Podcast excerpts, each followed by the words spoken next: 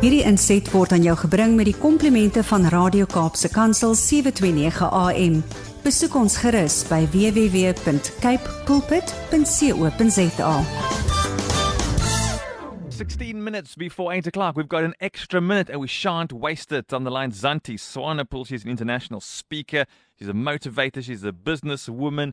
And she's just so nice to speak to on a Wednesday morning. Morning, Zanti. Hoe gaan dit daai kant? Môre Brad, weet jy wat? Dit gaan goed. Ons leef almal bo ons omstandighede Hmm. en ons kry verskriklik koud vandag. Ek dink selfs as jy daar in die Kaap, dit is maar 'n vriesende Woensdagoggend in Pretoria. So you've got to warm us up now with your words. Now I, I'm going to try my utterly best and um, trust the Holy Spirit to do Amen. what He needs to do. Jy weet jy wat Brad, um, ja, ek dink ek dink vir oggend luisteraars praat ek die hardste met myself.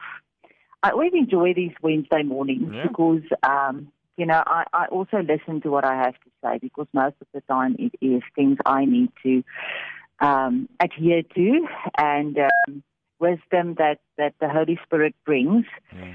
that that that sometimes yeah we not sometimes we always have to follow and and live under but i think if you feel like me brad the last week in our lives in our country has been quite interesting in the sense that i don't think anybody now us especially in Gauteng and i think everybody in KwaZulu-Natal has really been shaken ons is van alle kante afgedruk Hmm. en ge, geskrik en ge ge alles wat se woorde ook ons daaraan wil heg.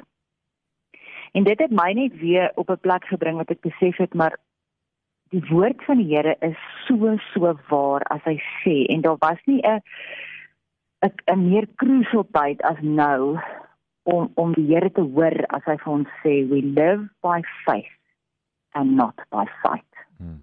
2 Korintiërs 5 vers 7. We live by faith and not by sight. Ek is so dankbaar vir hierdie versie in die Bybel want as dit nie vir dit was nie en ons moet net lewe vir alles wat ons om ons sien en en wat ons fabriseer rondom dit want nie een van ons het die het die volle waarheid nie net die Here weet want hy sien alles ons sien in dele en dan probeer ons dit uitfigure op 'n manier maar iets wat ek dalk met die luisteraars kan deel wat ek net weer moes besef hierdie week is dat when the world feels like an emotional roller coaster Hmm. kan dit nie anders opsom as dit nie. Steady yourself with the simple basic tasks. Do the dishes, fold the laundry, water the plants, cook a meal for the family. Because simplicity attracts wisdom. Hmm. En dit is simplicity attracts wisdom.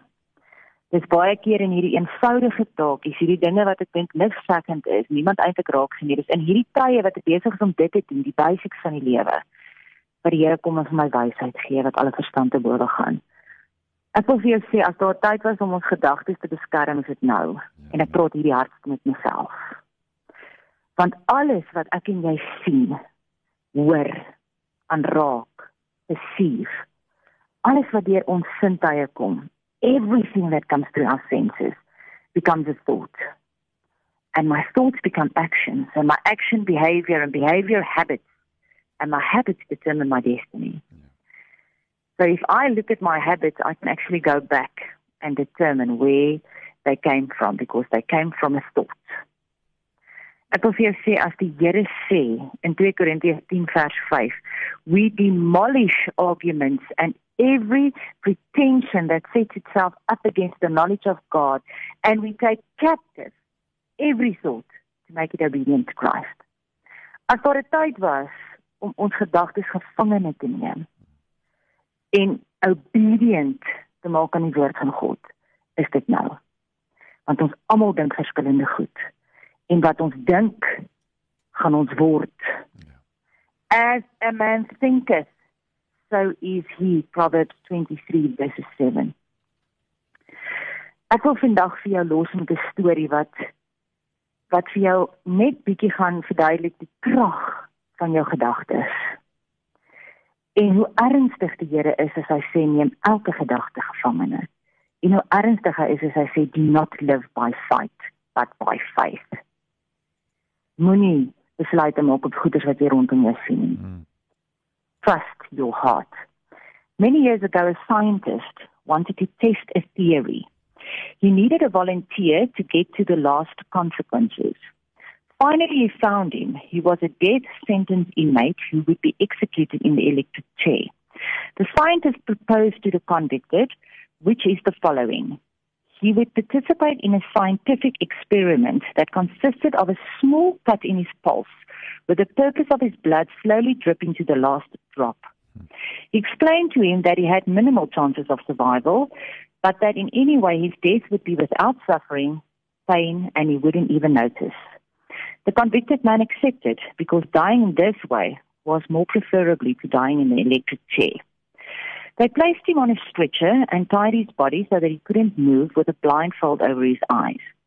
Then they made a small cut on his wrist and placed a small aluminium vessel under his arm. The cut was superficial, just the first layer of his skin. Mm.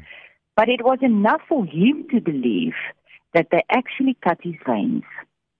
Under the bed, under the bed, a serum jar with a small valve regulating the passage of liquid in the form of drops falling into a vase was placed. The convicted man could hear the drip and he counted every drop of what he believed was his blood. yeah. The scientists, with the convicted person being blindfolded, was closing the valve so that the drip would diminish with the intention of him thinking his blood was now ending. With the minutes passing, his face was losing color. His heart rate speeded up and he lost air to his lungs. Mm-hmm. When despair reached its peak, the scientist completely shut down the valve. And then the convicted man went into cardiac arrest and died. The scientist managed to prove that the human mind strictly meets everything it perceives, and that individual accepts it, either positive or negative. The body reacts to what the mind believes. He ended off with the following. I've always thought that the mind had no limits in deceiving itself. Even worse, when you don't understand things and start manufacturing things that you can understand. Many times in our lives, problems seem to be disastrous. But possibly there is someone who tells us there is a small possibility of reversing the situation. But we decide to believe only what we are able to perceive and imagine. Mm. We choose what we believe. You see, who thinks of failing already failed. Whoever thinks of winning takes one step forward. Los jou vir oggend luisteraars met die gedagte dat dit wat om jou is is net inligting. Hmm. Dit wat in die woord van die Here is, is waarheid. You choose. Dis nou die tyd om te glo en dat God sê oor ons land. Om te glo oor wat hy sê oor jou lewe. Wat die Here sê oor jou kinders. Wat die woord sê oor sy voorsiening vir jou in elke situasie. Hmm. Dis nou die tyd om te sê elke ding wat ek lees nou, alles wat ek sien, alles wat ek hoor, om dit gevangene te neem capture those, to take them into captivity, those thoughts, and say, if this does not align with the word of God, I will not believe. We live by faith and not by sight. Mm. 2 Timotheus 1 vers 7 en ek sluit af hiermee. For God has not given us a spirit of fear, but of power and of love and of a sound mind. May we protect in Jesus' name our minds in a time like this. Amen. Hierdie inset was aan jou gebring met die komplimente van Radio Kaapse Kansel 729 AM. Besoek ons gerus by www.cape pulpit.co.za.